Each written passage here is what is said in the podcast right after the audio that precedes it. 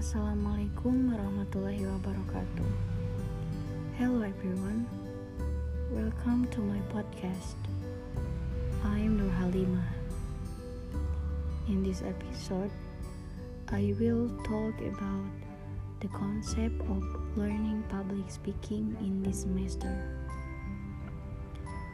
My lecturer, Mystery, explained that this semester every week we will make a podcast based on the material explained in the lesson each week. With duration 3 minutes at least.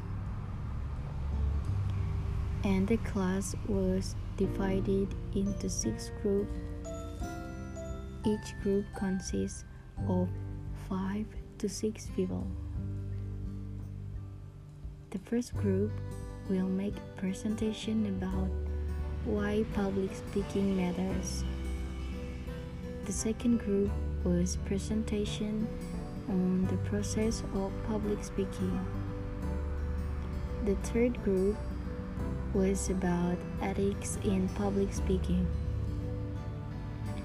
The fourth group was about what is communication apprehension. The fifth group is about delivering the speech. And the last group is about informative speaking, persuasive speaking, and speaking to entertain. And each group will have a rotating presentation every week.